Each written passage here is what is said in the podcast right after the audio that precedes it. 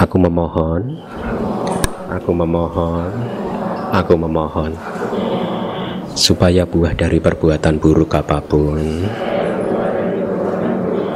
yang telah aku lakukan, baik melalui perbuatan, ucapan, dan pikiran, dapat terhindarkan, dan demi memperoleh jasa kebajikan yang akan memberikan limpahan kepada saya dengan umur panjang, kesehatan, kebebasan dari segala bahaya dan bencana. Aku merangkapkan kedua telapak tanganku, beranjali dan memberikan puja, menghormati dan bersujud penuh dengan kerendahan hati kepada Tiratana, Buddha, Dhamma, dan Sangga untuk kedua kalinya. Aku memohon, aku memohon, aku memohon supaya buah dari perbuatan buruk apa pun yang telah aku lakukan, baik melalui perbuatan, ucapan, dan pikiran dapat terhindarkan dan demi memperoleh jasa kebajikan yang akan memberikan limpahan kepada saya dengan umur panjang, kesehatan, kebebasan dari segala bahaya dan bencana. Aku merangkapkan kedua telapak tanganku beranjali dan memberikan puja, menghormati dan bersujud penuh dengan kerendahan hati kepada Tiratana, Buddha, Dhamma, dan Sangga untuk ketiga kalinya. Aku memohon, aku memohon, aku memohon supaya buah dari perbuatan buruk apa pun yang telah aku lakukan. Baik melalui perbuatan ucapan dan pikiran dapat terhindarkan. Dan demi memperoleh jasa kebajikan yang akan memberikan limpahan kepada saya dengan umur panjang, kesehatan, kebebasan dari segala bahaya dan bencana, Aku merangkapkan kedua telapak tanganku. Beranjali dan memberikan puja. Menghormati dan bersujud penuh. Dengan kerendahan hati kepada Tiratana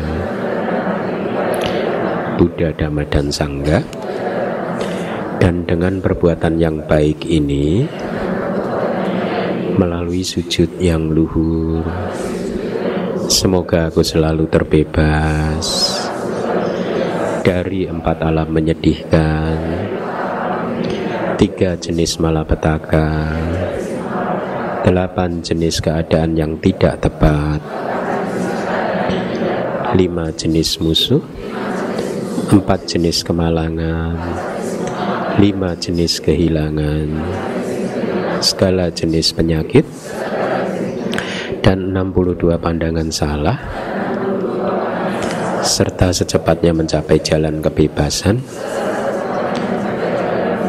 maka buah, pala, dan dhamma mulia yaitu nibbana. Ahang bante ti saranena saha panca silang damang ya jami. Anugahang katwa silang teta. Me bante duti ampi.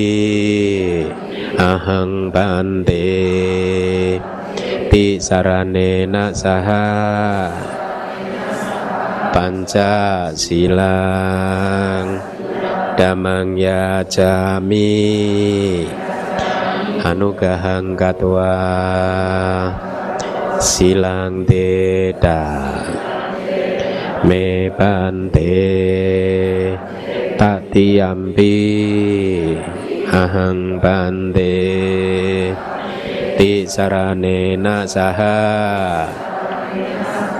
panca silang damang ya jami anugahang katwa silang teda me bante yamahang wadami tang wadeta. Namo tassa bhagavato arahato sama sambuddhassa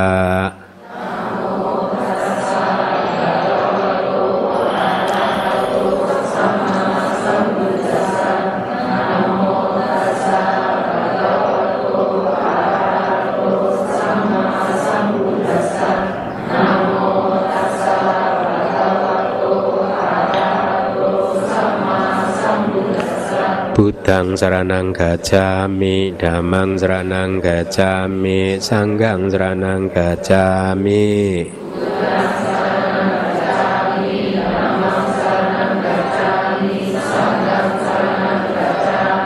Dutiampi Buddhang saranang gacami Dutiampi Damang saranang gacami Dutiampi Sanggang saranang gacami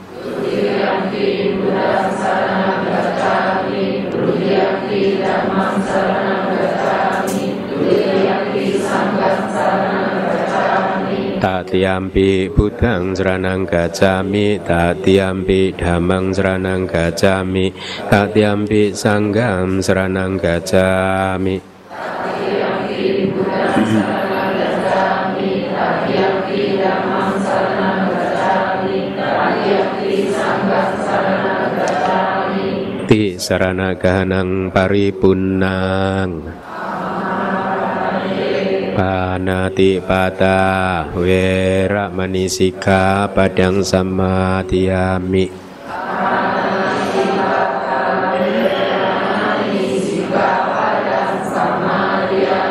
Adina wera manisika padang sama tiami.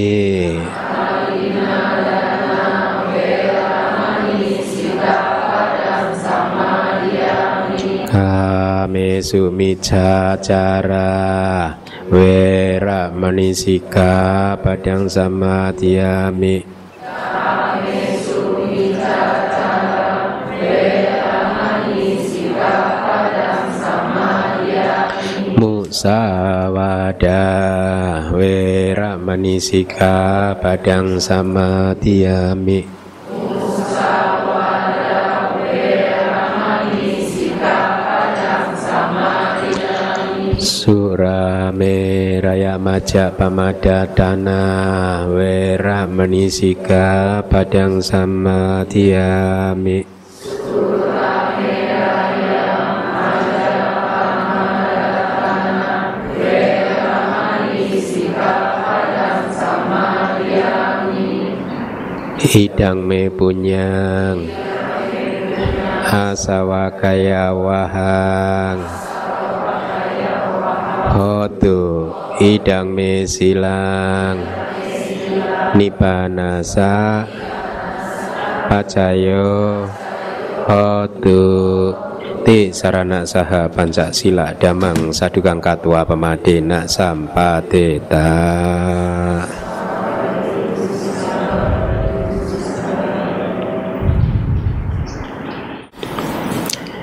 baik uh, Selamat pagi para upasaka upasika. Oke, apa kabar? Baik ya. Uh, sungguh berbahagia sekali kita semua bisa berkumpul lagi. Masih mempunyai waktu untuk berkumpul, ya. Kadang karena kita melakukan sesuatu hal secara rutin sehingga akhirnya kita lupa untuk menghargai kegiatan rutin kita dengan menganggap bahwa ini adalah sesuatu yang memang harus terjadi ya. Tetapi kalau kita mencoba untuk merenungkan sebentar ya lebih dalam lagi bahwa kita bisa berkumpul pagi hari ini itu bukanlah sesuatu yang harus terjadi karena tidak ada sebab ya. Tetapi sesuatu yang memang harus terjadi karena ada sebab sebab yang kita lakukan di masa lalu yang akhirnya sebab tersebut berbuah membuat kita akhirnya bisa bertemu anda bisa mendengarkan dhamma, saya pun akhirnya juga bisa membabarkan dhamma, ya. Nah, karena kita sedang melakukan aktivitas yang baik, mendengarkan dhamma itu adalah karma baik, kebajikan, membabarkan dhamma itu adalah juga kebajikan. Tentunya ini semua muncul karena di masa lalu kita telah melakukan satu perbuatan yang baik, ya. Kita telah melakukan karma baik sehingga akhirnya karma tersebut berbuah dengan membuat kita berkumpul pagi hari ini. Dengan mencoba merefleksikan, merenungkan secara lebih mendalam seperti itu akan membuat kita akhirnya uh, bisa menghargai kehidupan kita dengan lebih uh, bijaksana lagi. Bahwa kehidupan yang sudah kita dapatkan kali ini adalah kehidupan yang benar-benar penuh dengan berkah ya. Penuh dengan keberuntungan. Karena masih bisa mendengarkan dhamma. Coba anda bayangkan manusia-manusia yang hidup di pelosok ya. Atau bahkan mungkin hidup di Jakarta tetapi jauh dari wihara atau kalaupun dekat dengan wihara tidak ada biku yang membabarkan dhamma. Jadi buat mereka akhirnya kesempatan untuk mendengarkan dhamma untuk mendengarkan pariyati mendengarkan suta pitaka abidama pitaka itu sangat sulit sekali didapatkan. Bukankah situasi yang seperti itu adalah situasi yang penuh dengan ketidakberuntungan penuh dengan ketidakberuntungan. Atau bahkan mungkin ada juga uh, variasi yang lain seseorang yang tinggal dekat dengan wihara tetapi karena kecenderungan-kecenderungannya yang tidak menuju ke dharma atau karena pergaulan-pergaulannya yang salah bergaul dengan orang yang tidak bijaksana itu adalah amulet yang pertama kan ya. Uh, azimat kita yang pertama apa? Bergaul dengan orang yang tidak baik, tidak bijaksana karena pergaulan yang salah. Akhirnya meskipun dekat dengan wihara, meskipun dekat dengan sangga yang bisa membabarkan dhamma, mereka pun juga tidak ada kecenderungan, keinginan untuk datang mendekat dan mendengarkan dhamma dari Buddha. Ya. Banyak sekali variasi-variasi yang lain kalau kita berbicara tentang makhluk atau manusia yang hidup di daerah yang terpencil. Ya mereka juga jarang sekali mendapat kesempatan untuk mendengarkan dhamma. Nah, sebaliknya Anda, Anda mendapatkan kesempatan itu setiap minggu. Ya, setiap Sabtu dan setiap hari Minggu Anda mendapatkan kesempatan untuk belajar dhamma, mendapatkan kesempatan untuk berlatih meditasi. Bukankah ini juga satu berkah sebenarnya? Karena tidak semua manusia bisa mendapatkan hal seperti itu ya dengan demikian akhirnya kita menyadari bahwa kehidupan kita ini penuh berkah penuh keberuntungan akhirnya kita bisa menghargai kehidupan ini dengan lebih baik lagi Efek dari menghargai kehidupan ini dengan baik itu apa sih? Efek dari ke, uh, penghargaan kita terhadap kehidupan kita ini ya, yaitu apa? Kita akan menjadi semakin berkomitmen untuk memanfaatkan kehidupan ini sebaik-baiknya kita akan semakin berkomitmen untuk mendengarkan kata-kata dari mereka yang bijaksana Kenapa? Karena mendengarkan kata-kata dari mereka yang bijaksana seperti Buddha ya, kata-kata yang semua tertulis di kitab suci dan di kitab-kitab komentarnya itu adalah kata-kata yang bijaksana, nasihat-nasihat yang bijaksana. Dengan mendengarkan nasihat-nasihat yang bijaksana dari mereka yang bijaksana seperti itu paling tidak apa? Kita bisa memperbaiki kekeliruan-kekeliruan kita selama ini ya kita harus sadar bahwa kita ini adalah manusia yang belum benar. Ya, tidak apa-apa menyadari bahwa kita ini manusia yang belum benar.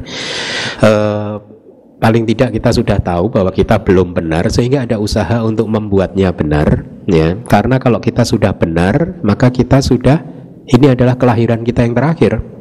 Dan nanti kita tidak akan terlahir lagi atau bahkan kita sudah merealisasi nibana sebelum lahir lagi di kehidupan kali ini. Dengan fakta kenyataan bahwa kita masih terlahir lagi di sini ya. Dan juga eh, apa di lingkungan yang mungkin kadang kurang mendukung untuk mendengarkan dhamma dan berlatih dhamma maka ini adalah satu tanda bahwa masih ada yang belum benar di dalam kehidupan kita ya. Menurut Buddhism kelahiran meskipun sebagai manusia tetapi terlahir bukan di keluarga Buddhis itu adalah ketidakberuntungan juga. Ya. Apa kalaupun terlahir di keluarga Buddhis keluarga Buddhis yang tidak mau belajar kitab sucinya tidak mau melatihnya, tidak mau memperbaiki diri, ya agama hanyalah sebatas KTP, ya wah untung di Buddhism tidak ada ritual. Saya suka Buddhism karena nggak ada ritual. Akhirnya benar-benar nggak ada ritual. Sudah tidak ada ritual, tidak ada dana, sila, bawana, tidak belajar, itu, itu sama sekali nggak ada apa-apa. Pokoknya KTP agama Buddha. Itu pun juga merupakan ketidakberuntungan. Ya, Anda lihat pada saat Anda tadi eh, mengambil uh, apa, melakukan permohonan sarana, kalimat apa yang Anda Anda ucapkan? Kalimat yang kita ucapkan adalah yang saya bimbing kepada Anda supaya buah dari perbuatan buruk saya yang saya lakukan di masa lalu bisa dihindari. Betul tidak? Nah, kalimat pertama ini sangat powerful. Anda renungkan berarti Buah karma buruk satu ya. Buah karma buruk bisa kita hindari. Artinya perbuatan buruk yang sudah kita lakukan di masa lalu ya, janganlah menjadi beban dari kita. Janganlah dijadikan beban ya karena ada saja beberapa orang yang karena telah melakukan perbuatan-perbuatan buruk di masa lalu akhirnya itu menjadi beban dan dia, dia tidak bisa memaafkan dirinya sendiri. Karena dijadikan beban terus hidupnya menjadi berat akhirnya dia tidak bisa menikmati kehidupannya. Karena dihantui oleh perasaan bersalah di, yang dia lakukan di masa lalu. Karena dicekam oleh rasa ketakutan akan buah karma buruk yang akan muncul. Bukankah ini satu satu sikap perilaku hidup yang tidak bijaksana. Nah, sekarang karena Anda sudah belajar dhamma, Anda tahu bahwa sesungguhnya buah karma buruk bisa dihindari. Bahwa sesungguhnya karma buruk yang kita lakukan itu bisa kita buat untuk tidak berbuah. Pemahaman yang seperti ini mencerahkan. Pemahaman yang seperti ini akan menghindarkan kita dari stres, depresi yang tidak pada tempat Ya, semua stres depresi itu muncul karena ketidakbijaksanaan. Kenapa? Ketidakbijaksanaan karena dia memandang masalah kehidupannya secara keliru. Karena dia takut terhadap sesuatu yang yang semu, yang sesuatu yang sesungguhnya itu tidak eksis, tidak nyata. Karena dia mengkhawatirkan sesuatu yang tidak perlu dikhawatirkan dan karena inilah mereka kemudian menjadi stres depresi ya sehingga akhirnya lupa untuk menikmati kehidupannya. Nah lihatlah pada saat mengambil uh, uh, ti sarana dan pancasila pun kalimat yang kita ucapkan adalah supaya karma buruk kita ini buahnya bisa kita hindari dan demi memperoleh limpahan uh, dari buah dari jasa kebajikan kita berupa umur panjang, kesehatan dan lain sebagainya, maka kita apa? Saya merangkapkan kedua telapak tanganku beranjali dan memberikan puja atau hormat kepada Buddha, Dhamma dan Sangha. Lihat, menghormati mereka yang pantas dihormati adalah berkah yang tertinggi. Minggu lalu kita sudah belajar itu kan? Ya hanya dengan menghormat saja kepada mereka yang pantas untuk dihormati kepada Buddha, Dhamma, Sangga, guru-guru spiritual, guru-guru sekuler, orang tua kita, orang yang lebih tua dari kita, itu pun adalah berkah. Itu pun adalah tanda-tanda keberuntungan. Itu pun akan menjauhkan kita dari ketidakberuntungan. Nah, sebagai umat Buddha ya, uh, di masa lalu, saya akan coba ulangi pelajaran minggu lalu. Di masa lalu, lebih dari 2600 tahun yang lalu, dewa berkumpul.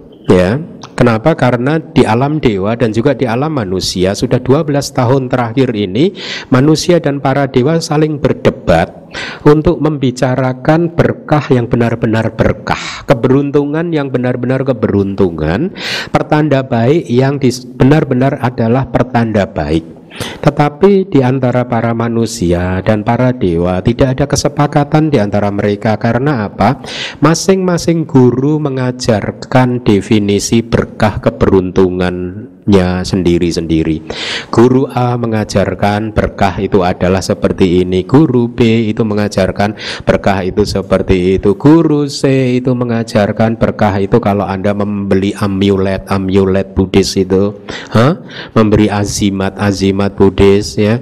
Guru D mengajarkan azimatnya harus dipakai sebagai liontin, sebagai kalung. Guru E mengajarkan azimatnya harus diletakkan atau disimpan di dompet. Ayo siapa yang menyimpan di dompet? Dompet. huh? Lihatlah, ya Anda telah mengikatkan batin dan pikiran Anda kepada objek-objek tersebut. Anda telah dibelenggu oleh objek-objek tersebut. Kalau misalkan Anda menganggap bahwa amulet-amulet Anda, jimat-jimat Anda itu bisa memberikan Anda keberuntungan, kehidupan telah Anda ikatkan kepada amulet-amulet tersebut, Anda tidak menjadi manusia yang bebas. Anda terikat. Aduh, dompetnya kok pas letaknya di sini kayaknya nggak sopan nih harus yang sebelah sana. Nah, terikat lagi Anda. Hmm? Kemudian amulet kalau dipakai sebagai leontin kok menghadapnya ke dada nggak ke depan salah lagi ini berarti nggak sopan lagi. Nah lihat Anda terikat oleh hal-hal seperti itu.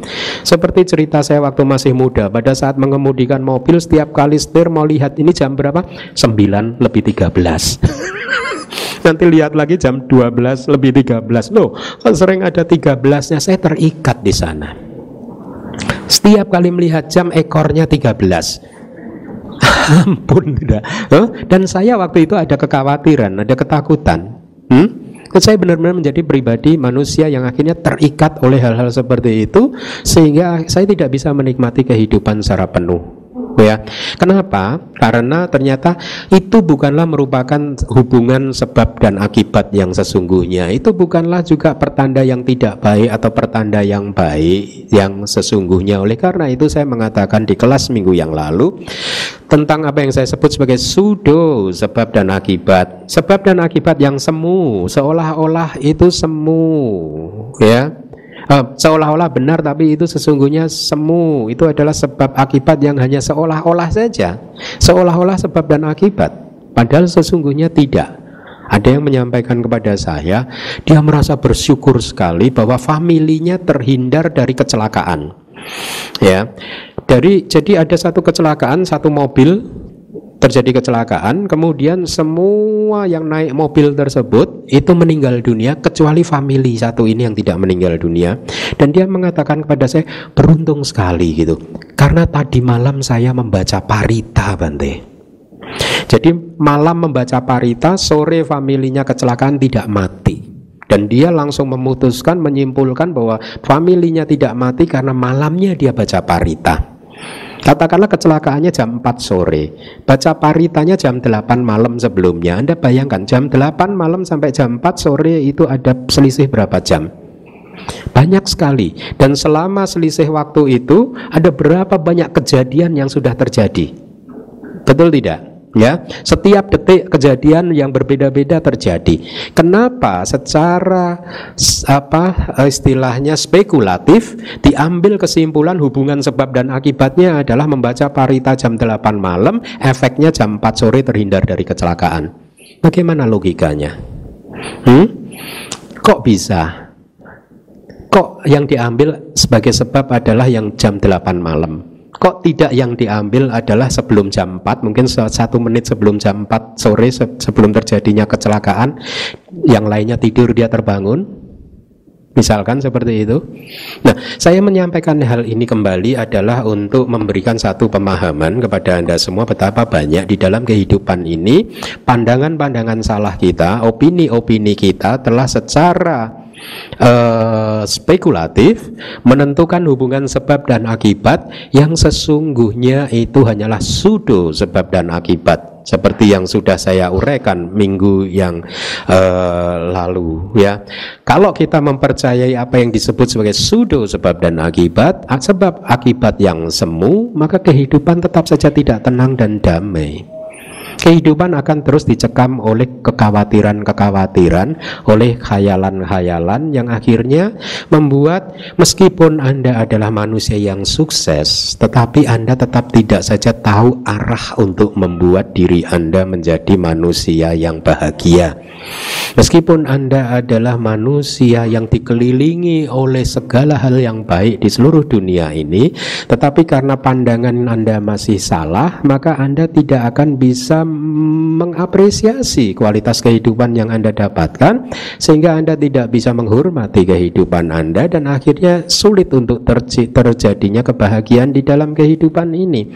Karena pandangan salah tidak akan pernah bisa menghasilkan kebahagiaan. Hanya pandangan benar yang akan bisa menghasilkan kebahagiaan. Nah 12 tahun manusia dan dewa saling berdebat tentang amulet itu yang seperti apa sih Maksud saya tentang manggala berkah, tanda-tanda keberuntungan itu yang seperti apa? Akhirnya karena tidak dalam tidak sepakat antara satu guru dengan guru yang lain, para dewa akhirnya mengirimkan utusannya pada tengah malam dia menemui Buddha untuk bertanya, Buddha, Bruhi Manggala Mutemang, katakanlah, ajarkanlah apa sih yang sebenarnya dianggap sebagai berkah yang tertinggi oleh karena itu saya menyebut Manggala Sutta, Sutta tentang berkah yang tertinggi, ini adalah Sutta tentang amulet Buddhis. Jadi kalau Anda ingin mendapatkan amulet ya, jangan membeli ke sana kemari seperti umat di Singapura yang membeli satu amulet kecil dan dia bersedia membayar 20 ribu sing dollars. Hmm, yang katanya manfaatnya apa, kelebihannya apa? Oh ini ya Bante, kalau ditembak itu kebal peluru loh. Ya kan Anda ingat jawaban saya, kamu mau maju ke medan perang yang butuh ditembak-tembak. huh?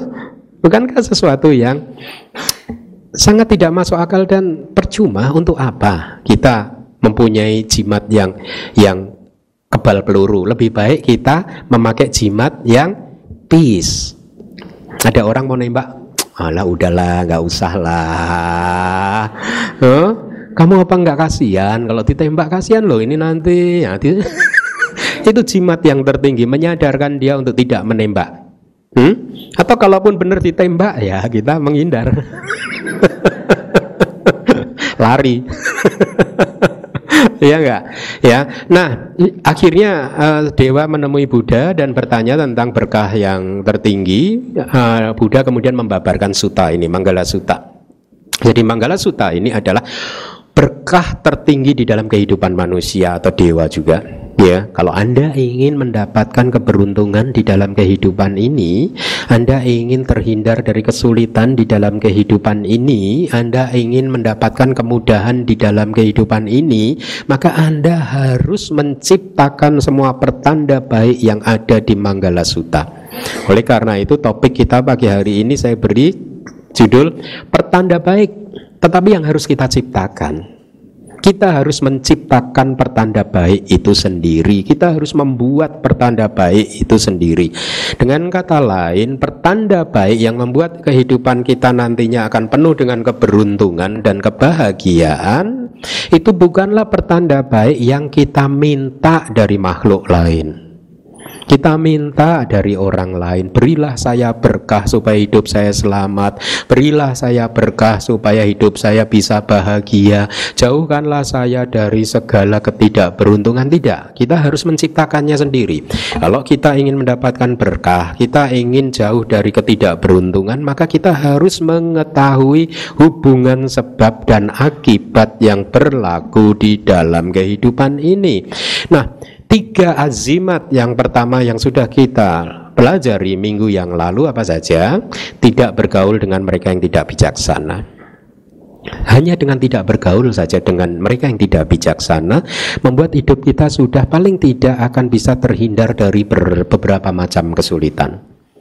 Karena kalau kita berada di lingkungan yang tidak baik, di lingkungan orang yang moralitasnya tidak baik, di lingkungan orang yang tidak mempraktekkan dhamma, maka lingkungan yang seperti ini hanya akan menyuburkan deposito karma buruk kita. Hati-hati, kehidupan kita ini sudah lama sekali, ya, sudah bermiliar-miliar tahun dan sepanjang kehidupan itu kita setiap menitnya itu telah menanam benih karma sehingga tabungan deposito karma baik kita ataupun karma buruk kita yang sudah kita lakukan itu kita simpan di dalam arus kesadaran kita yang sudah kita lakukan sejak uh, kumpulkan sejak awal dari samsara ini jumlahnya sudah tidak terbatas. Mereka masing-masing sedang menunggu saat yang tepat untuk tumbuh dan berbuah jadi kita harus senantiasa waspada bahwa tidak hanya karma baik yang sudah kita simpan, tetapi karma buruk juga kita sudah simpan banyak sekali di kehidupan masa lampau.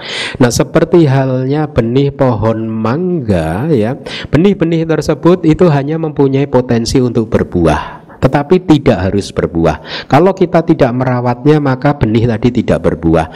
Demikian pula dengan karma buruk kita. Kalau kita tidak merawatnya, tidak keliru merawatnya, maka karma buruk tidak akan bisa berbuah. Nah, salah satu cara untuk merawat supaya timbunan karma buruk kita di masa lalu tidak berbuah, ya jangan kumpul dengan orang yang tidak bijaksana yang tidak mau belajar dhamma, tidak mau mempraktekkan sila, tidak mau berlatih meditasi, yang uh, emosinya masih meledak-ledak, yang cara berpikirnya masih banyak yang salah, yang tidak bijaksana sama sekali. Dan kalau kita berkumpul dengan orang-orang seperti itu, F risikonya apa? Risikonya kita akan mencontoh cara berpikir mereka. Risikonya kita akan terkontaminasi dengan ucapan ucapan mereka, dengan perbuatan-perbuatan mereka, dengan e, cara mereka menyelesaikan masalah dan akhirnya kita menjadi seperti mereka. Kenapa? Bukan mereka yang membuat kita sama dengan mereka, tetapi semata-mata karena kita berada di lingkungan yang seperti itu, akhirnya frekuensi tersebut akan menyuburkan benih karma yang cocok dengan frekuensi tersebut. Artinya, kita sebenarnya juga mempunyai benih untuk menjadi manusia yang jahat. Kalau kita berkumpul dengan orang yang jahat, kita akan jadi orang jahat. Ya, oleh karena itu supaya kita tidak menjadi orang yang jahat, maka azimat yang pertama yang harus kita miliki ya, ya tidak berkumpul dengan orang-orang yang jahat, orang yang bodoh, orang yang tidak baik, orang yang tidak bijaksana. Kenapa? Semata-mata demi menjaga supaya batin kita tidak terkena infeksi kotoran-kotoran batin seperti mereka. Karena hanya orang yang mempunyai elemen atau sifat yang samalah yang hanya akan berkumpul. Maka hati-hati seperti yang pernah saya sampaikan guru saya dulu di luar negeri mengatakan kepada saya katanya ada psikolog barat yang mengatakan saya bisa menebak sifat dan karakter Anda dengan hanya tolong berikan lima nama teman dekat Anda kepada saya dan kemudian saya akan tahu sifat Anda seperti apa dia akan menebak dari lima teman dekat Anda itu sifatnya seperti apa kemudian dia tebak bahwa Anda pun juga seperti mereka hmm? Sekarang kalau saya minta Anda sebutkan lima teman dekat Anda kepada saya supaya saya bisa menebak sifat Anda. Bisa Bante, Bante. Oh, udah susah kalau udah gitu jawab saya jadi apa coba? ya. nah, kembali lagi. Berkah-berkah yang jumlahnya ada 38 ini adalah berkah yang harus kita ciptakan. Bukan berkah yang turun dari langit yang kita tunggu kok nggak hujan-hujan ya berkahnya kok nggak turun-turun ya ya. Sementara kita terus tidak memperbaiki diri melakukan hal-hal yang buruk tapi mengharapkan kebahagiaan. Nah hal-hal seperti ini tentu saja itu adalah pertanda yang tidak baik ya. Uh, kadang di, di dalam kehidupan saya juga saya mengamati sekeliling saya sejak kecil sampai sekarang ya pada hakikatnya semua makhluk itu ingin bahagia pada hakikatnya ya.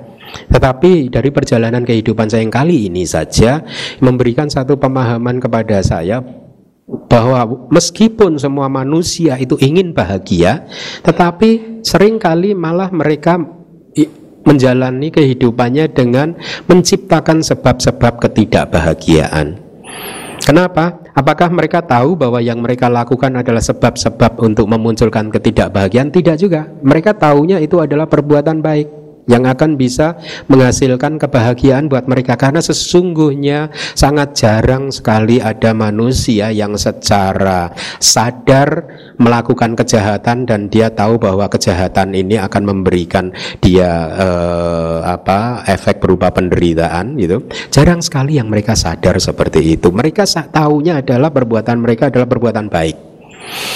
Ya itulah mengapa 2600 tahun yang lalu guru-guru spiritual di zaman itu juga tidak sepakat dengan apa itu blessing, dengan apa itu berkah. Masing-masing mendefinisikannya dengan uh, kecenderungannya sendiri-sendiri dan itu pun masih terjadi sampai sekarang. Ya. Uh, Ironisnya bahkan masih terjadi sampai sekarang di lingkungan Buddhis juga. Meskipun 2600 tahun yang lalu Buddha sudah memformulasikan blessingnya itu hanya seperti ini loh. Di luar itu sudah mungkin bukan blessing yang kita harus analisa lagi. Tapi Buddha sudah memformulasikannya menjadi 38 berkah. Atau saya menyebutnya menjadi 38 azimat amulet Buddhis ya Kenapa saya mengatakannya amulet Buddhis? Semata-mata hanya untuk menyadarkan mereka yang masih percaya pada amulet-amulet gitu yang bisa membawa keberuntungan, yang rela mengeluarkan sampai seribu dolar, dua ribu dolar hanya untuk membeli amulet-amulet seperti itu. Lebih baik seribu dolar dan dua ribu dolar Anda danakan ke wihara, udah pasti itu berkah karena itu adalah kebajikan ya. Tinggal anda rawat supaya dia segera berbuah.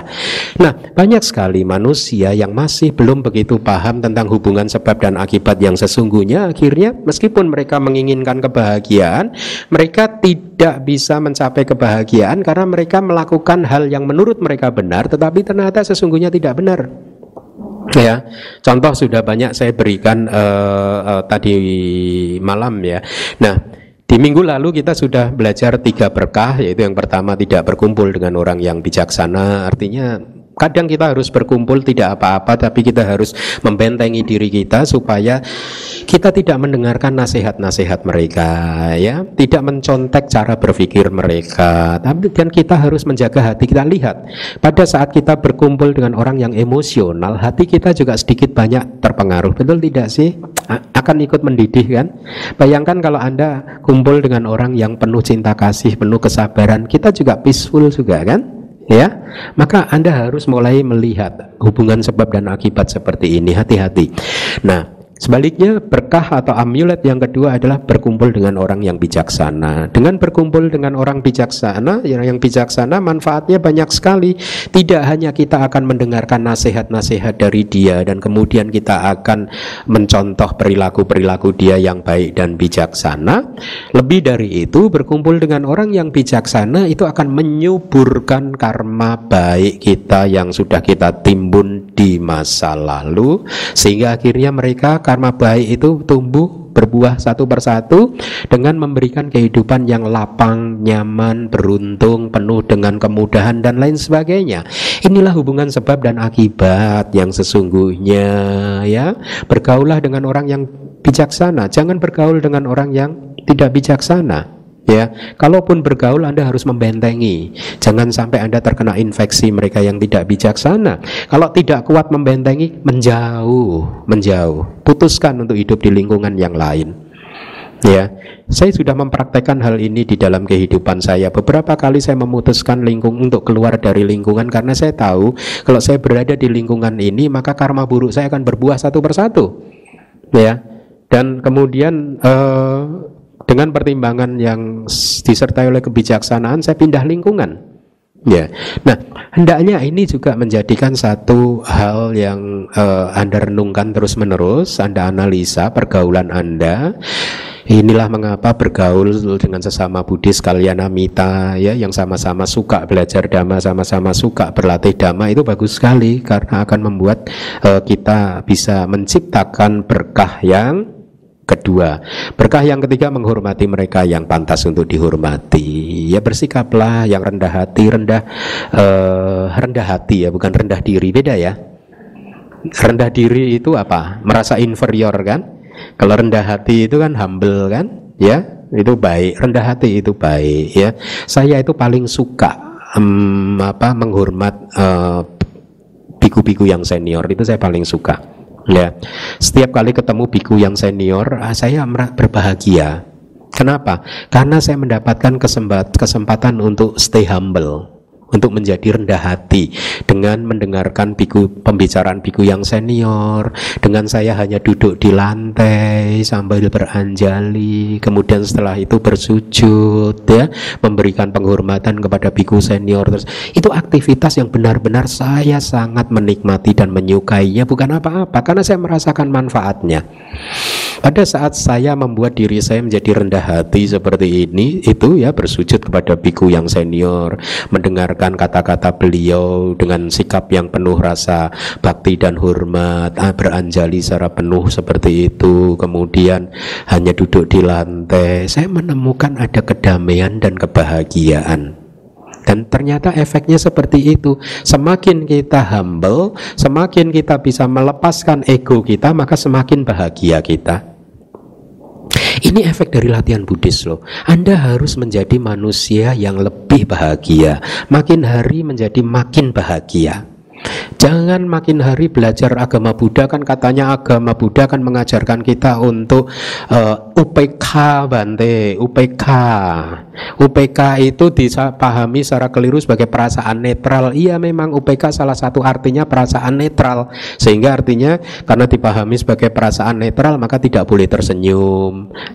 Kalaupun ada lucu-lucu tetap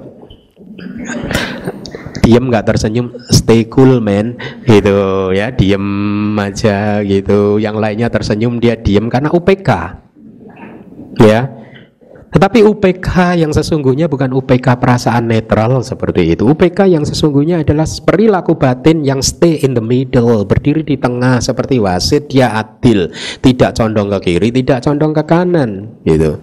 Tidak terjebak kepada nafsu pelekatan, juga tidak terjebak pada kemarahan kebencian, ya. Efek dari belajar dhamma harus membuat kita menjadi makin bahagia. Kalau kita tersenyum aja susah, nah, berarti efeknya belum nampak. Seperti seorang sakit kepala minum obat efeknya tampak kan? Sakit kepalanya hilang jadi ringan kan? Ada efeknya. Belajar dhamma juga ada efeknya. Pada saat Anda belajar dhamma efeknya Anda makin bahagia. Itu sudah merupakan hubung, hubungan hubungan sebab dan akibat. Ya. Karena ya kan agama Buddha mengajarkan bahwa semua ini adalah penderitaan. Iya benar, semua adalah penderitaan. Pada saat penderitaan Anda berkurang yang muncul dari pemahaman yang benar terhadap kehidupan ini sehingga efek penderitaannya berkurang, ya tidak? Ya. Kalau efek penderitaannya berkurang, bukankah berkurangnya penderitaan ini akan menambah kebahagiaan? Hmm? Semakin banyak penderitaan berkurang, semakin banyak kebahagiaan bertambah. Betul tidak? Makanya Buddha masa depan pun dikatakan sebagai Buddha tersenyum. Buddha tertawa kan?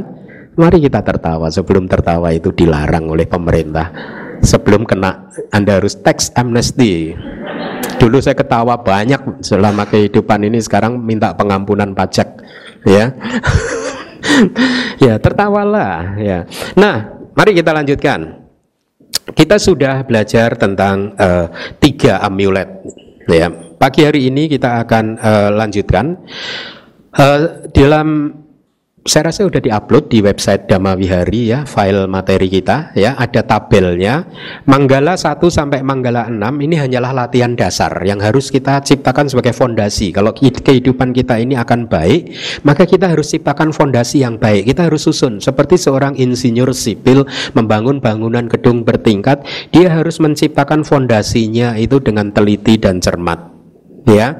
Nah, fondasinya adalah M1 sampai M6, Manggala 1 sampai Manggala 6. Kak sewana cak balanang panditanan cak sewana puja cak puja neanang etam manggala mutemang padi rupa desa wasoja ube Jakarta punyata atas sama panidi cak etang manggala mutemang nanti kita akan lihat apa saja itu nah Manggala yang keempat atau berkah yang keempat atau jimat yang keempat itu istilah saya Amulet yang keempat adalah hidup di tempat yang sesuai. Pati rupa desa. Hidup di tempat yang mungkin bahasa sekarang hidup di tempat yang strategis. Ya strategis maksudnya apa berarti uh, bertetangga dengan orang yang baik.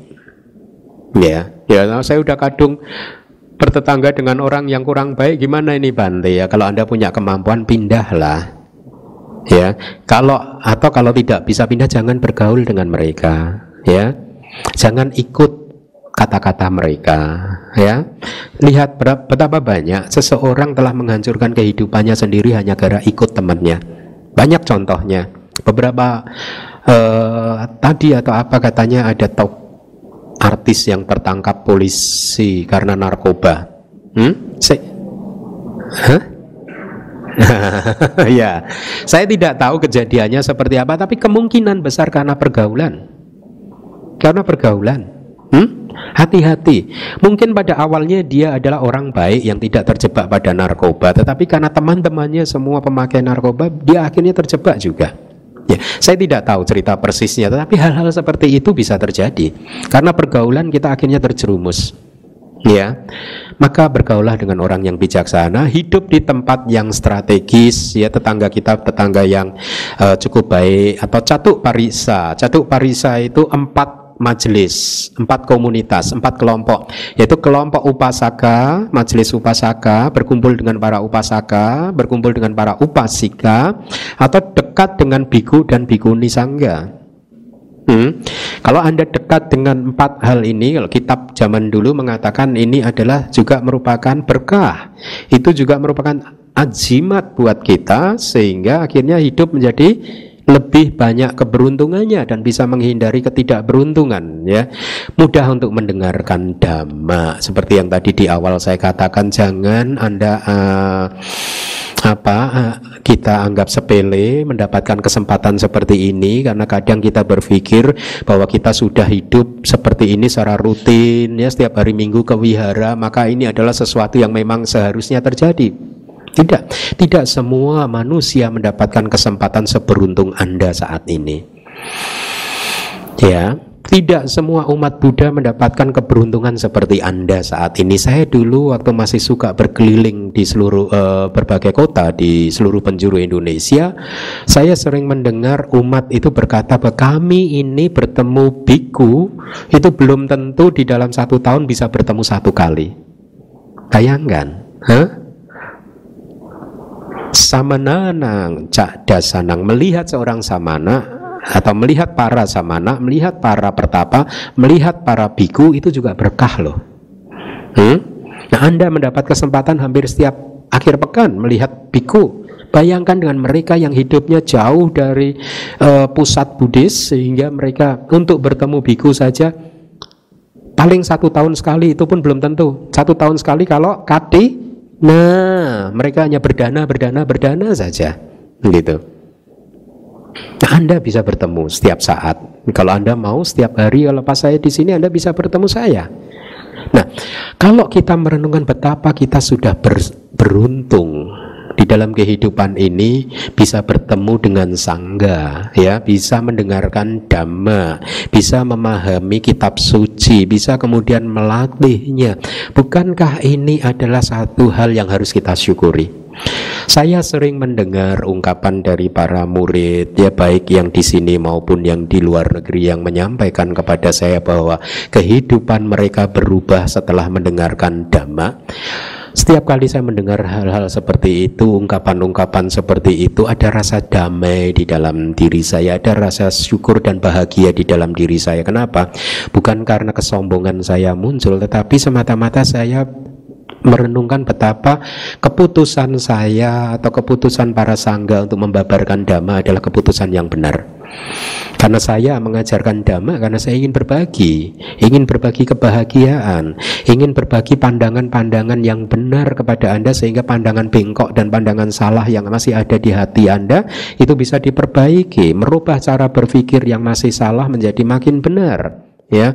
Meninggalkan hal-hal yang tidak baik dan kemudian melatih hal-hal yang baik. Itulah tujuan kita untuk sharing untuk untuk berbagi dhamma ini nah berkah yang keempat yang harus kita ciptakan ini harus kita ciptakan anda mempunyai kekuatan untuk menciptakannya. Kalau hidupnya tidak di tempat yang strategis, Anda bisa pindah. Kalaupun tidak bisa pindah karena satu dan lain hal, ya Anda harus membentengi diri Anda tadi dengan azimat yang pertama, kemudian azimat yang kedua, ya, dan kemudian seringlah lakukan uh, praktekan azimat yang ketiga, gitu. Karena ya Dengan hidup di tempat yang sesuai akan mempermudah Anda untuk sesungguhnya menciptakan berkah nomor satu, nomor dua, dan nomor tiga. Betul tidak? Kalau Anda hidup di tempat yang sesuai akan lebih mudah buat Anda untuk tidak bergaul dengan orang yang tidak bijaksana akan memper, mempermudah Anda untuk hanya bisa akhirnya memutuskan untuk bergaul dengan orang yang bijaksana. Akan mudah buat Anda untuk menghormati mereka yang memang pantas untuk dihormati. Jadi tempat tinggal Anda itu sangat penting. Bayangkan meskipun tinggal di Jakarta, saya dengar beberapa dari umat kita itu ada yang tempat tinggalnya jauh loh. Ada yang dari Bekasi katanya ya dan mereka harus hadir di kelas abidama selesai ab, kelas abidama biasanya jam 9 kemudian mungkin ada evening mealnya mungkin saya nggak tahu mungkin sampai jam setengah 10 atau jam 10 baru mereka kemudian pulang lagi ke Bekasi loh bayangkan Bekasi hmm?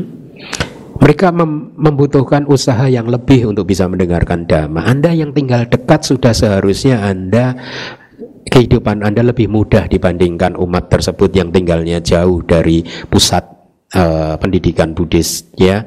Nah, jadi hidup di tempat yang sesuai itu artinya tempat yang akhirnya kita mudah untuk mendengarkan dhamma ya. Mudah juga untuk berbuat dasa punya kirya wadu 10 landasan perbuatan baik atau 10 uh, eh, apa itu 10 landasan kebajikan ya. Apa saja itu 10 landasan kebajikan? Kalau anda tidak tahu anda harus tahu 10 landasan kebajikan. Supaya apa? Anda bisa mempraktekannya. Kalau anda tidak tahu bagaimana anda mempraktekannya? Hmm? banyak loh umat Buddha yang bahkan 10 kebajikan saja tidak hafal tidak tahu. Huh? dan dia ingin bahagia. Lalu yang dia lakukan apa? Kalau nggak melakukan kebajikan Akhirnya apa yang dianggap uh, kebajikan sesungguhnya belum tentu kebajikan. Ya tidak.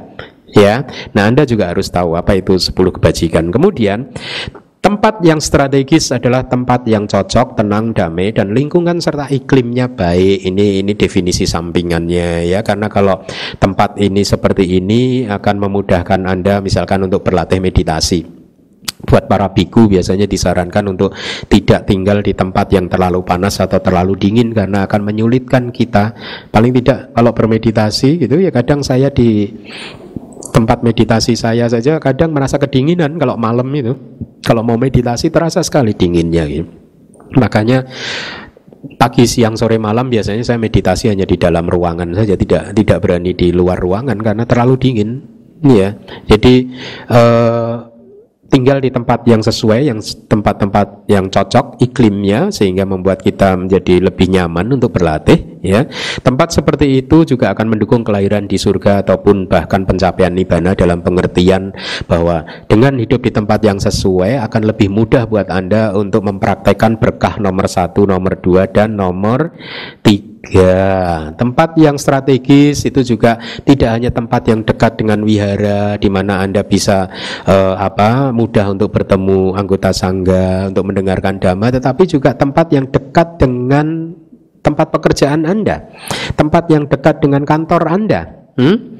Anda tinggal di mana? Kalau Anda tinggalnya di Jakarta Timur ya jangan buka kantor di Jakarta Barat. Itu Anda mencari penyakit. ya bukanya di Jakarta Timur. Kalau tinggal di Jakarta Barat, buka kantornya di Jakarta Barat atau ya dekat dengan kantor. Itu adalah tempat yang strategis karena apa? Paling tidak kamu Anda bisa me menghemat energi Anda, ya. Paling tidak Anda bisa menjaga batin Anda dari kontaminasi apa? polusi perjalanan ya. Kalau kadang saya itu kadang tidak suka untuk keluar uh, jalan di Jakarta itu karena sekali keluar bisa 3 4 jam 5 jam loh. Hmm, membuang-buang waktu banyak sekali sekali keluar gitu. Makanya saya kurang menyukai. Itu lebih baik tinggal di sini begitu. Tidak buang waktu 5 jam buat saya cukup berharga. Lebih baik saya pakai untuk meditasi. Ya. Nah, dengan tinggal di tempat yang uh, dekat akhirnya usaha Anda pun juga akan anda mempunyai lebih banyak waktu untuk memikirkan usaha Anda sehingga tidak banyak waktu karena tidak banyak waktu yang terbuang usaha Anda akan cenderung mendapatkan uh, keberhasilan ya kesempatan untuk mendapatkan keberhasilan menjadi lebih terbuka karena banyak waktu yang bisa Anda uh, apa uh, uh, waktu yang bisa anda uh, manfaatkan untuk mengembangkan usaha anda gitu. Jadi uh, apa? Sebagai umat Buddha karena Anda sudah memilih jalur kehidupan yang seperti itu Anda harus memikirkan juga pekerjaan pekerjaan Anda ya. Karena kata-kata Buddha dalit yang bikawe dukang loka seming kama bogi no. Itu kata-kata Buddha. Wahai para biku dalit yang bikawe dukang lokang seming loka seming kama bogino untuk seseorang yang masih menikmati kebahagiaan kebahagiaan indrawi ya seperti Anda para perumah tangga maka dalil yang kemiskinan itu adalah penderitaan di dunia ini. Buat Anda umat perumah tangga maaf ya kemiskinan itu adalah penderitaan.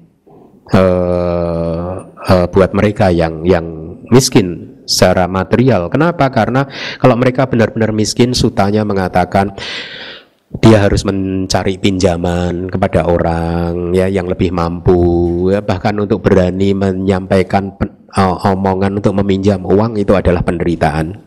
Kemudian berjanji nanti bulan depan dia kembalikan bukan saya lah ya, dia kembali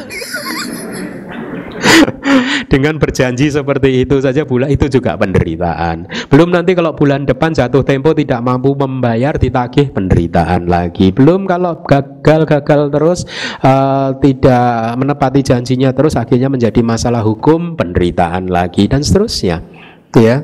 Jadi eh, Anda juga harus menciptakan tempat yang strategis dekat dengan tempat usaha Anda atau dekat dengan eh, kantor Anda ya.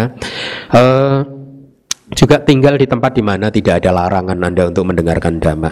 Saya pernah masuk di satu negara di mana umat mengatakan kepada saya bahwa tidak mudah buat mereka untuk mendengarkan dhamma karena ada peraturan pemerintah yang mempersulit mereka. Tidak mudah buat mereka untuk menyebarkan dhamma karena ada peraturan dari pemerintah setempat yang mempersempit ruang gerak mereka. Tinggal di daerah-daerah seperti itu sangat tidak beruntung ya karena akhirnya membuat ruang gerak yang sempit membuat mereka akan akhirnya menjadi tidak berkembang lagi.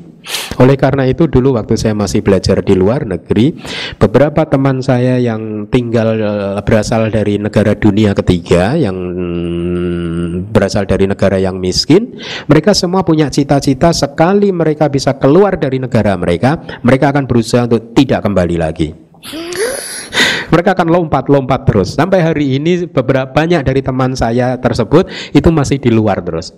Dan memang mereka nggak mau pulang. Kenapa? Karena begitu mereka pulang kehidupan akan menjadi sulit buat mereka. Nah ini satu keputusan yang bijaksana ya Anda juga bisa mempraktekannya gitu kalau mendapatkan lingkungan yang tidak tepat ya tempat yang tidak strategis ya maka Anda harus menciptakannya menciptakan tempat yang lebih strategis ya karena tidak mudah loh untuk bertemu dengan dhamma, tidak mudah loh mendengarkan dhamma, tidak mudah bertemu dengan anggota sangga, apalagi anggota sangga yang bisa membabarkan dhamma, ya membabarkan kitab suci dengan maknanya yang sesuai dengan kitab-kitab tafsirnya. Tidak mudah. Jangankan di Indonesia yang bukan merupakan negara Buddhis, di negara Buddhis pun juga kadang ada saja umat-umat yang tinggal di negara Buddhis yang tidak mendapatkan kesempatan untuk mendengarkan dhamma dari guru yang baik ya. Ke mana saja mereka bergerak ketemunya adalah guru yang tidak baik itu jadi hati-hati anda ingat Raja Ajata satu? Huh? kurang apal dia. Dia adalah pangeran pewaris tunggal tahta kerajaan loh. Ya. Dan hidup berkenal dengan Buddha loh.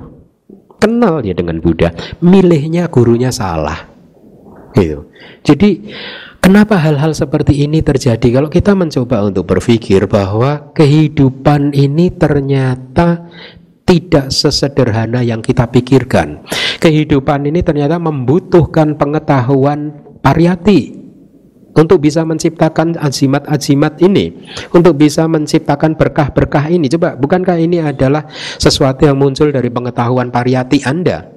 Dan inilah mengapa saya berjuang keras untuk mempopulerkan pariyati. Apa sih yang disebut pariyati? Pariyati ti, tini pitakani. Yang disebut pariyati adalah belajar tripitaka. Itu pariyati.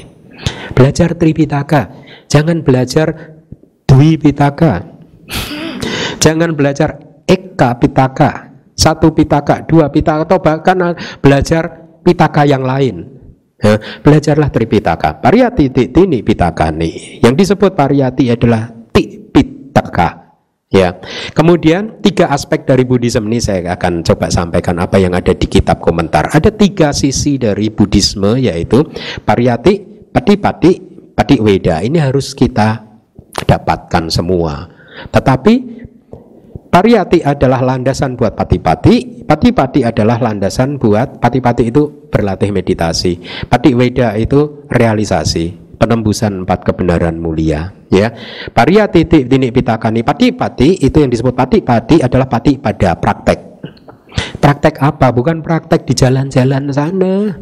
Prakteknya ya duduk bersila pejam mata meditasi.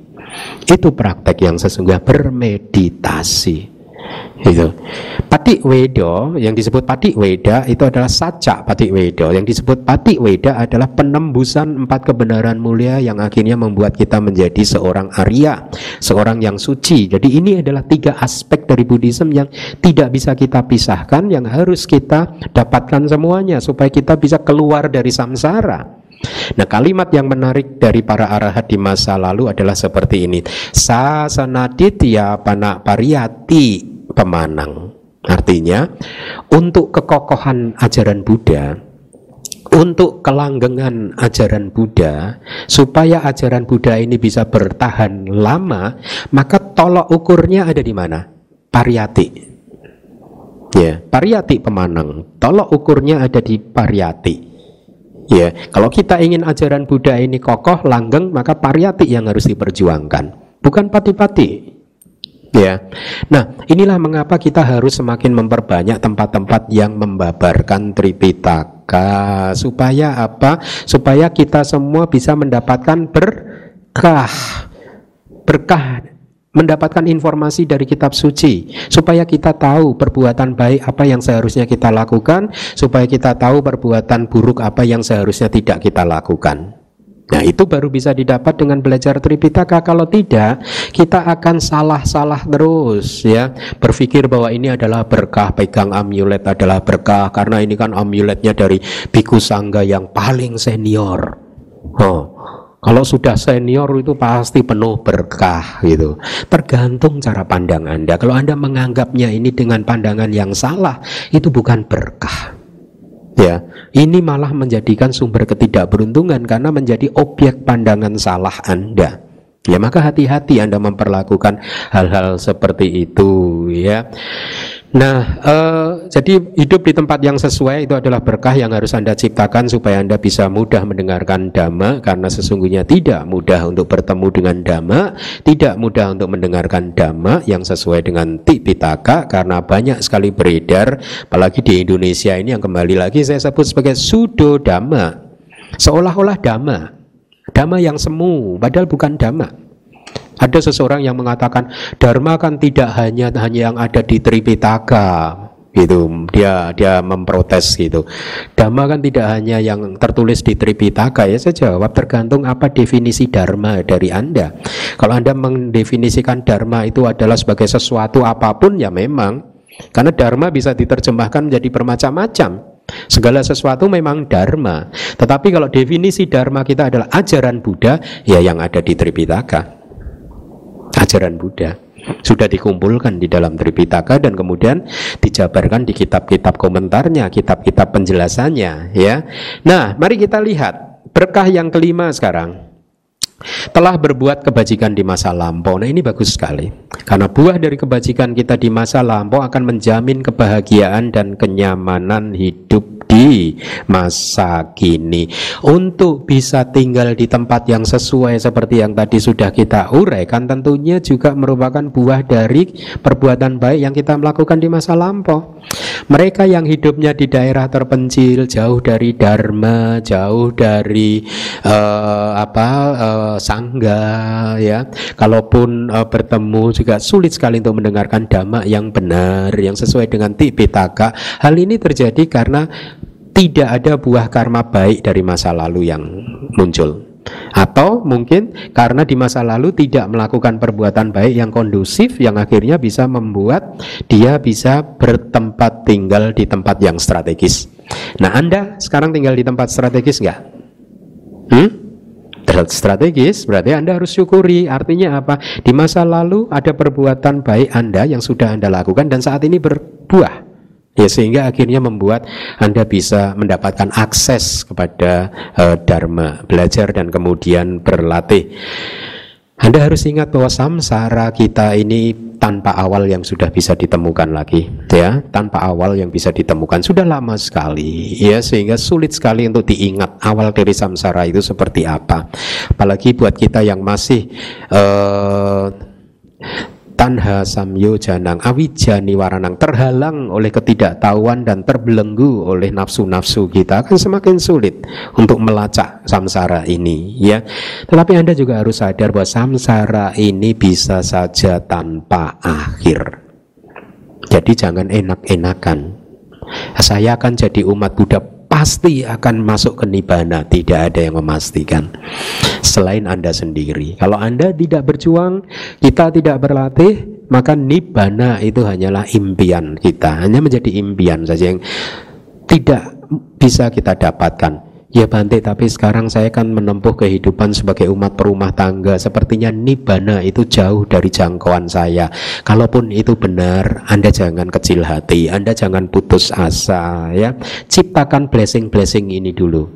Ya, ciptakan berkah-berkah ini, ya telah berbuat kebajikan di masa lampau kenapa? Dengan kebajikan di masa lampau telah mengamankan Anda di kehidupan saat ini membuat Anda terlahir sebagai manusia saat ini dan tidak hanya terlahir sebagai manusia Anda bisa mendengarkan dhamma bertemu dengan guru-guru Anda bisa berlatih meditasi ini semua karena perbuatan baik di masa lampau sedang berbuah oleh karena itu supaya samsara ini aman ke depannya, apa yang harus kita lakukan? Lakukan lagi kebajikan di kehidupan yang kali ini. Terus menerus kita harus melakukan kebajikan ini dengan berdana, sila, e, samadhi, panya ya dengan melatih kemurahan hati kita, melatih perilaku kita. Sila itu sebenarnya perilaku. Anda lihat seseorang yang silanya bagus dan silanya yang tidak bagus pasti terlihat dari perilakunya. Ya, seseorang yang silanya bagus akan cenderung lebih gentle, ya, lebih waspada, lebih penuh perhatian. Sementara seseorang yang silanya tidak bagus akan tercemin di dalam perilakunya juga. Perilakunya tidak baik juga pasti. Ya, ceroboh dan lain sebagainya, kasar dan lain sebagainya gitu. Oleh karena itu latihlah.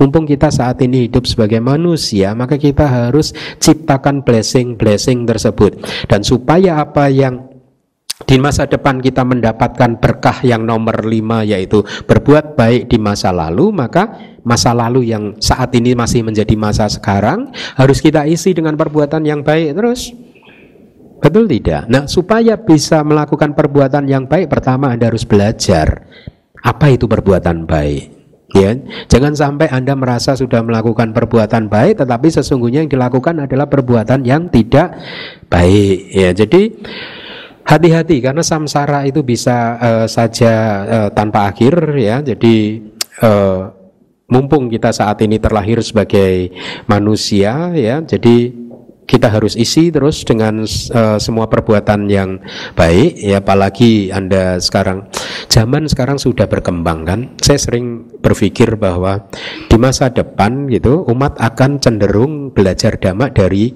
online. Huh? kalau wihara tempat meditasi tidak memperbaiki diri nanti jangan-jangan di masa depan wihara buat umat Buddha adalah di YouTube kamu wiharanya di mana? YouTube. ya tidak? Huh? Karena kadang ada umat yang berpikir habis Bante kita datang ke wihara sudah jalan dari rumah ke wihara satu jam, begitu sampai wihara yang ceramah hanya gitu-gitu doang. Buang waktu, mendengarkan damanya dua jam berarti udah tiga jam nanti cicet satu jam, empat jam pulang lagi satu jam, lima jam. Lebih baik di rumah nggak pergi ke mana-mana, play YouTube, memilih guru-guru uh, dhamma yang Anda sukai dan itu lebih fruitful, bisa jadi gitu. Tetapi Anda kehilangan objek untuk berbakti. Ya, Anda kehilangan objek untuk uh, berkomunitas, kesempatan untuk berkomunitas. Anda kehilangan kesempatan untuk hidup di tengah kalyanamita, ya. Anda akan hidup di uh, masyarakat virtual. Kalyanamita kamu mana? Ada Kalyanamita saya virtual. Ah, Kalyanamitannya ada di online semua itu. Tetap saja itu tidak akan menyuburkan hati karena berinteraksi seperti ini akan menyuburkan hati kita. Ya. Nah, uh, jadi apa uh, lakukanlah karma karma baik terus menerus ya supaya uh, samsara ini akhirnya menjadi aman. Di masa depan kita akan hidup dengan tetap mempertahankan kenyamanan ini untuk semakin berjalan mendekati nibbana. Untuk saat ini mungkin kehidupan belum bisa mempraktekkan dhamma secara penuh tidak apa-apa tetapi paling tidak kita sudah mengamankannya supaya mudah-mudahan di kehidupan berikutnya masih terlahir di alam yang baik, bisa bertemu dengan guru yang baik, bisa belajar dan juga bisa berlatih sehingga perjalanan spiritual Anda untuk mencapai nibbana menjadi semakin dekat lagi ya. Nah, eh, kadang sebagai seorang kalyanamita atau sebagai orang tua kita harus juga menciptakan kondisi-kondisi buat teman-teman kita, kondisi buat anak-anak Anda misalkan supaya anak Anda juga akhirnya mendapatkan berkah-berkah seperti yang sudah kita sampaikan ini. Ya karena saya akan memberikan satu contoh. Di zaman Buddha dulu ada seorang umat upasaka yang kaya raya yang terkenal akan kemurahan hatinya. Siapa namanya yang laki-laki upasaka? Anatapindika ya. Dia mempunyai anak yang laki-laki yang bernama hmm, siapa ada yang ingat nggak? Anaknya yang su tidak suka mendengarkan dhamma anak-anak tapi ini kala namanya kala ya. Jadi anak anak tapindika ini laki-laki padahal papinya oh papinya ini kan dekat dengan Buddha Ya bahkan memberikan wihara untuk Buddha. Ya Buddha sering berkunjung ke rumah beliau ya.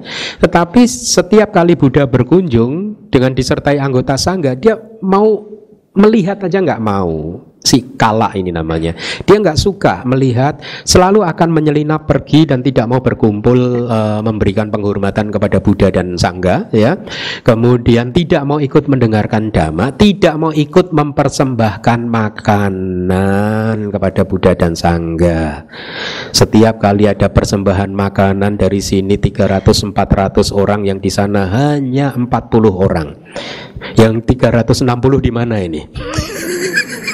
Anda tidak ikut mempersembahkan, Anda kehilangan kesempatan untuk menimbun kebajikan dengan melakukan persembahan dana makan siang kepada sangga. Huh?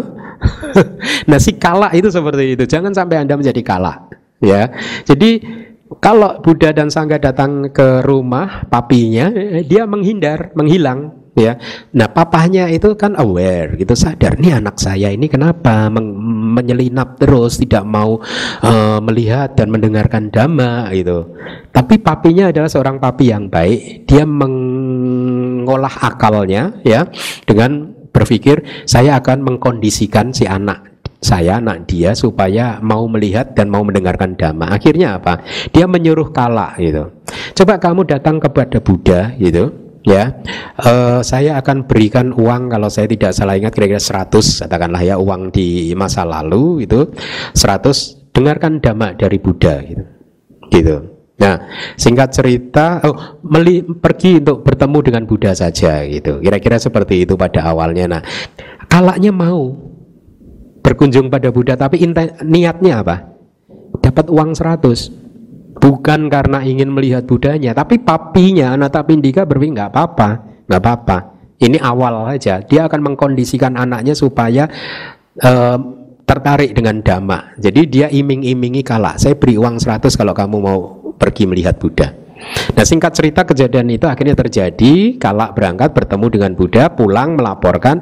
Kemudian papinya pinter lagi. Kamu dengarkan ceramah Buddha Dan hafalkan satu stansa saja gitu Satu stansa itu kira-kira mungkin empat baris gitu ya. Hafalkan satu kalau di Manggala Sutta mungkin asewana cak balanang panditanan cak sewana puja cak puja nang etam manggala mutemang. Satu stansa seperti itu hafalkan. Kalau kamu bisa hafal, saya beri uang seribu. Ya, akhirnya kalak tertarik kan, matanya berbinar-binar kan. Wah, mau mendengarkan dhamma nih Gitu nggak kira-kira? Enggak. Wah, mau dapat uang seribu nih. Apa susahnya menghafal satu stansa? Akhirnya dia pergi mendengarkan uh, ceramah Buddha. Ya, karena Buddha tahu. Pada akhirnya begini. Buddha tahu, ya. Ini anak ini sebenarnya mempunyai potensi. Dia beruntung sekali sih. Dari faktanya dia bisa bertemu Buddha itu karena dia sudah melakukan kebajikan di masa lalu. Kita bertemu nggak dengan Buddha? Ada dua kemungkinan. Mungkin kita bertemu waktu itu, ya. Tapi begitu Buddha ini kita main gadget. Buddha berceramah ya kita kita WA WA WA sama teman BBM Buddha ceramah dan dan, dan kita nih. Atau misalnya Buddha ceramah ngantuk kita ininya mungkin itu kemungkinan pertama sehingga ada manfaat juga. Kita tetap nggak keluar dari samsara. Kita berputar-putar sampai hari ini 2600 tahun kemudian kita masih aja di sini ada di sini. Sayang sih kita berkesempatan bertemu dengan Buddha. Kemungkinan pertama kemungkinan kedua ya kita tidak bertemu. Ya Nah makanya kalau di, di negara Buddhis saya kemarin bercerita kepada siapa ya Kalau ada umat sedang mendengarkan dhamma dari dari Sayado itu umat itu aduh sangat bakti gitu. Satu jam itu bisa beranjali terus loh diam saja gitu beranjali sambil mendengarkan ceramah gitu. Kalau anda lihat di di YouTube juga banyak loh ya mereka mencoba untuk menyerap kata-kata dari gurunya gitu. Bisa beranjali duduk bersila terus selama satu jam, satu setengah jam atau bahkan dua jam. Pada awal-awalnya itu saya juga merasa menderita loh dengan tradisi seperti itu. Karena saya juga harus seperti itu kan sebagai biku junior kan. Kakinya pegel, belum lagi tangan ini pegel loh bahu di sini itu. Gini terus satu jam gitu. Tetapi ternyata itu praktek-praktek yang bagus. Yang ingin saya katakan adalah mereka benar-benar memanfaatkan satu jam itu penuh untuk mendengarkan dhamma bukan bermain gadget gitu. Sebentar ya saya lagi mendengarkan dhamma gitu. Apa up update status. Mendengarkan dhamma Bante Keminda ya tidak sih yang penting update lah ya. Ya tidak. Mendengarkan atau enggaknya enggak penting yang penting update gitu. Wah langsung potret itu share locationnya. Cap gitu di Dhamma Wihari Buddhist Studies. Wah udah. Itu lebih penting daripada mendengarkan Dhamma. Dunia tahu saya ada di DBS nah itu lebih penting kan? Ya. Nah tadi kembali lagi ke kala dia diminta oleh papinya dengan diiming-imingi uang seribu asal dia mampu menghafal uh, satu stansa. Dan Buddha mengetahui dia mempunyai potensi untuk menjadi sotapana ya. Akhirnya hari itu ya setelah kesekian kalinya itu Buddha mempersulit stansanya ya. Dengan harapan supaya kala itu membutuhkan usaha yang lebih untuk menghafal stansa sambil mempenetrasi stansa tersebut ya memahami maknanya sampai ke pemahaman yang sedalam mungkin ya. Dan singkat cerita akhirnya dia menjadi seorang sotapana ya. Pada saat dia menjadi seorang sotapana dia memutuskan malam itu tidak kembali ke rumah untuk menagih papinya mana seribunya dia memutuskan terus di dalam hutan bermeditasi, berkumpul dengan Buddha dan para anggota sangga tidak pulang. Keesokan harinya Buddha dan para anggota sangga berpindah patah dan kebetulan diundang oleh Anata, Anata Pindika untuk persembahan makan pagi. Ya, kala ikut. Sesampainya di rumah dia udah berharap-harap gitu. Semoga papi nggak ngomong ya di depan Buddha kalau saya saya datang ke Buddha itu karena tertarik uang seribu kan malu gitu kan. Sotapana masih mempunyai rasa malu juga lah ya. Nah, dia berharap seperti itu tetapi kebetulan anak Tapindika papinya bercerita, ini nih Buddha ini gitu. Eh, tapi kok anak saya kelihatannya berubah ya gitu. Anak Tapindikanya tanya, "Kenapa ini Buddha? Ada perubahan apa?" Terus anak Tapindika juga uh, apa mem, apa di dalam hatinya berpikir, "Kenapa anaknya tidak buru-buru menagih yang seribu rupi tadi katakanlah gitu uang apa dulu itu ya seribunya tadi nggak ditagih gitu dan memang dia tidak mau menagih gitu Terus akhirnya si papinya bercerita eh, ini dulu nggak suka dharma, kemudian saya iming-imingin aja. Itu akhirnya dia mau ini datang ke Buddha ini karena pengen uang seribu ini, gitu. Nah, tapi Buddha kemudian mengklarifikasi anak kamu sudah menjadi seorang sotapana, makanya dia berubah. Makanya kalau anda punya anak tidak mau datang ke wihara, jangan patah arang. Gunakan akal Anda seperti anak tapindika tadi. Tulis cek.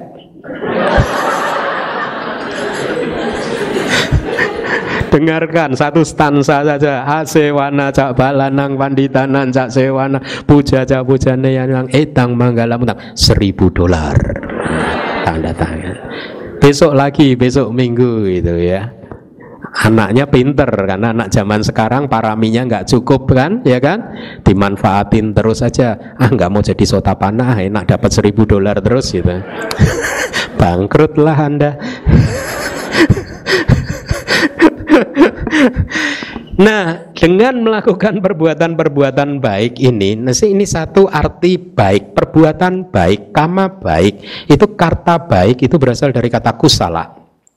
Salah satu arti dari sekian banyak arti kusala itu adalah skillful, mahir, terampil. Seseorang yang pandai bermain harpa adalah seorang yang kusala di dalam bermain harpa.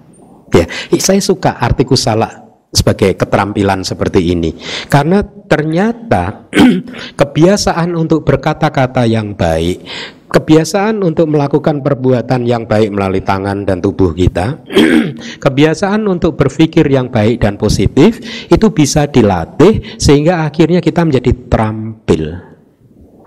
Ya, untuk bisa menjadi terampil Anda harus melatihnya. Ya, saya sering mengatakan kepada murid-murid saya bahwa meditasi itu hanyalah masalah skill, masalah keterampilan dan keterampilan bisa dilatih. Dengan disiplin yang tinggi, dengan sering melatihnya, maka kita akan jadi skillful, jadi makin terampil. Di dalam berbuat baik pun kita harus melatihnya, supaya akhirnya sifat kita menjadi seseorang yang suka berdana secara spontan, sudah tidak mikir-mikir lagi. Ada kesempatan berdana, dia berdana spontan.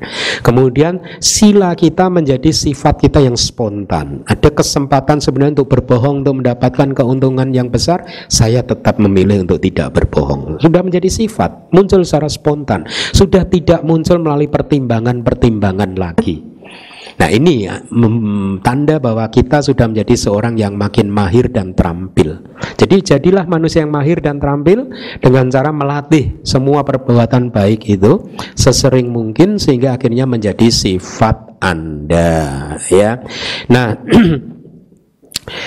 Dengan terus-menerus melakukan karma baik, maka kita mengamankan samsara ya. Di dalam kehidupan kita harus amankan ya untuk menjadi terlahir lagi menjadi manusia sehingga mendapat kesempatan lagi untuk belajar dan berlatih untuk meluruskan yang belum lurus, untuk menyempurnakan yang belum sempurna.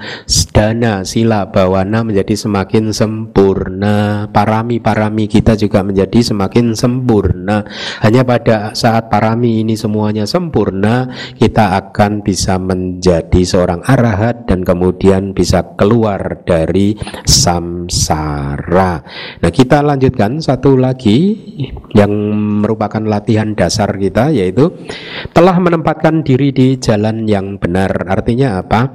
Kita sudah tahu bahwa saat ini saya sebagai umat Buddha sudah belajar dhamma, sudah berlatih, sudah berkomitmen untuk mempraktekkan dana, sila dan bawana, berarti kita sudah mem, me, mengerti bahwa ini adalah sesuatu yang harus kita lakukan dan kemudian kita bertekad untuk melatihnya, harus dilatih. Buddhism ini membutuhkan latihan, ya. Jangan mengharapkan bantuan dari langit untuk bisa membuat hati Anda menjadi uh, bersih ya bebas dari kotoran batin tidak bisa. Anda harus melatihnya. Kita harus melatihnya ya. Kita harus bertekad untuk mulai melatihnya. Kita harus bertekad untuk terus melakukan perbuatan baik. Karena apa? Karena kita tahu bahwa perbuatan baik saya tidak memikirkan buah dari perbuatan baik akan menghasilkan nanti adalah kebahagiaan, tetapi saya sudah mulai tahu bahwa pada saat saya berbuat baik, pada saat ini juga saya bahagia. Kalau Anda sudah bisa memahami perbuatan baik dalam level yang seperti itu, bahwa saya berbuat baik karena saya tahu pada saat saya berbuat baik, pada saat itu juga hati saya damai, tenang, bahagia. Maka itulah satu realisasi yang cukup dalam ya. Anda tidak membutuhkan hasil dari karma baik Anda. Tentu saja karma baik akan berbuah tetapi Anda tidak direpotkan dengan efek-efek dari karma baik Anda. Kenapa? Karena Anda sudah cukup bahagia dengan berbuat baik di saat ini karena Anda tahu pada saat ini juga saya akan mendapatkan ketenangan, kedamaian dan kebahagiaan. Anda masih ingat janji kepastian dari Buddha di Kalamak Sutta tentang empat hal? Di Kalamak Sutta yang terakhir ya Kira-kira seperti ini. Kalau ada karma baik dan karma baik ini berbuah dengan memunculkan kelahiran di alam yang baik, alam surga, maka kalau Anda selama hidup ini sudah mengisinya dengan karma baik, maka setelah kehidupan ini Anda akan lahir di surga.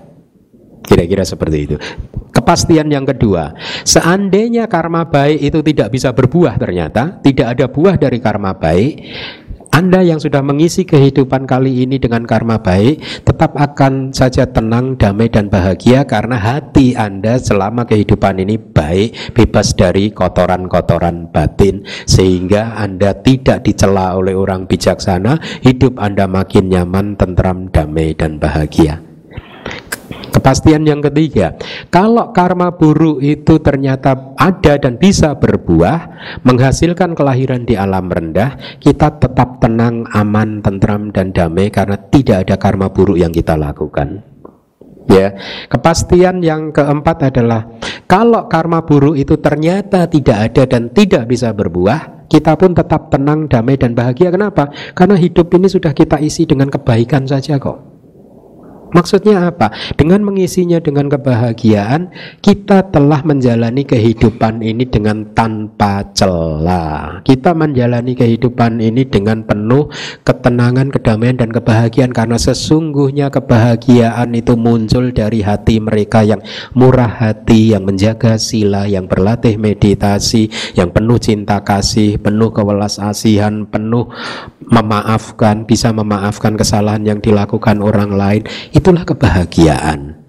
Dengan mampu menembus makna yang lebih dalam lagi dari perbuatan baik yang bahwa ternyata perbuatan baik itu bisa memberikan kebahagiaan di saat sekarang juga dan itulah mengapa saya harus melakukannya maka dengan demikian Anda telah mendapatkan blessing yang nomor enam telah menempatkan diri di jalan yang benar mulai melatihnya anda harus berusaha kalau masih tidak bermoral artinya tidak menjaga sila-sila Anda, Anda harus ber, bertekad untuk menjadi seorang yang lebih bermoral artinya mempraktekkan sila-sila Anda.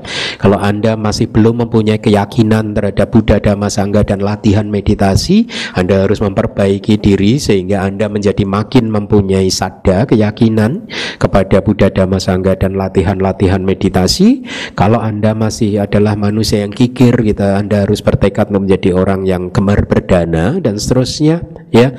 Untuk kemudian sesungguhnya semua usaha tersebut adalah mengalahkan musuh kita yang sesungguhnya yaitu kekotoran batin kita sendiri. Kotoran-kotoran batin itu sendiri. Emosi-emosi negatif kita sendiri itulah musuh kita di dalam samsara ini. Tidak ada makhluk satupun yang menjadi musuh kita hanya satu saja musuh kita yaitu emosi-emosi negatif kita. Dan emosi-emosi negatif itu adanya di dalam hati kita, tidak ada di luar hati, di luar diri kita. Oleh karena itu, Buddhism tidak mengajarkan kita untuk mengeluh. Buddhism tidak mengajarkan kita untuk menyalahkan orang lain terhadap kegagalan penderitaan yang kita alami. Buddhism mengajarkan kalau kita gagal di dalam kehidupan ini, menderita di dalam kehidupan ini, ini semua karena hati kita belum bersih. Karena kita masih melakukan karma-karma buruk, karena, kita masih belum menciptakan pertanda baik. Belum mempunyai enam amulet ini yang sudah diajarkan. Oleh karena itu praktekkanlah uh, manggala 1 sampai manggala ke-6 bertekadlah untuk meninggalkan kebiasaan-kebiasaan buruk ya yang hanya akan menjadi sebab untuk mendapatkan uh, berbagai manfaat di sini sekarang maupun di kehidupan mendatang ya seperti yang kita baca di awal kelas tadi ya. Eh, apa? Supaya buah dari perbuatan buruk kita saya bisa terhindarkan ya. Maka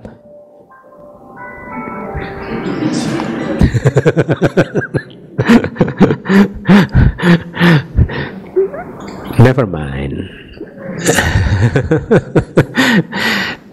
Seperti yang kita baca tadi di awal kelas bahwa supaya buah dari perbuatan buruk kita bisa dihindarkan ya, maka kita harus melakukan berkah-berkah yang sudah disampaikan.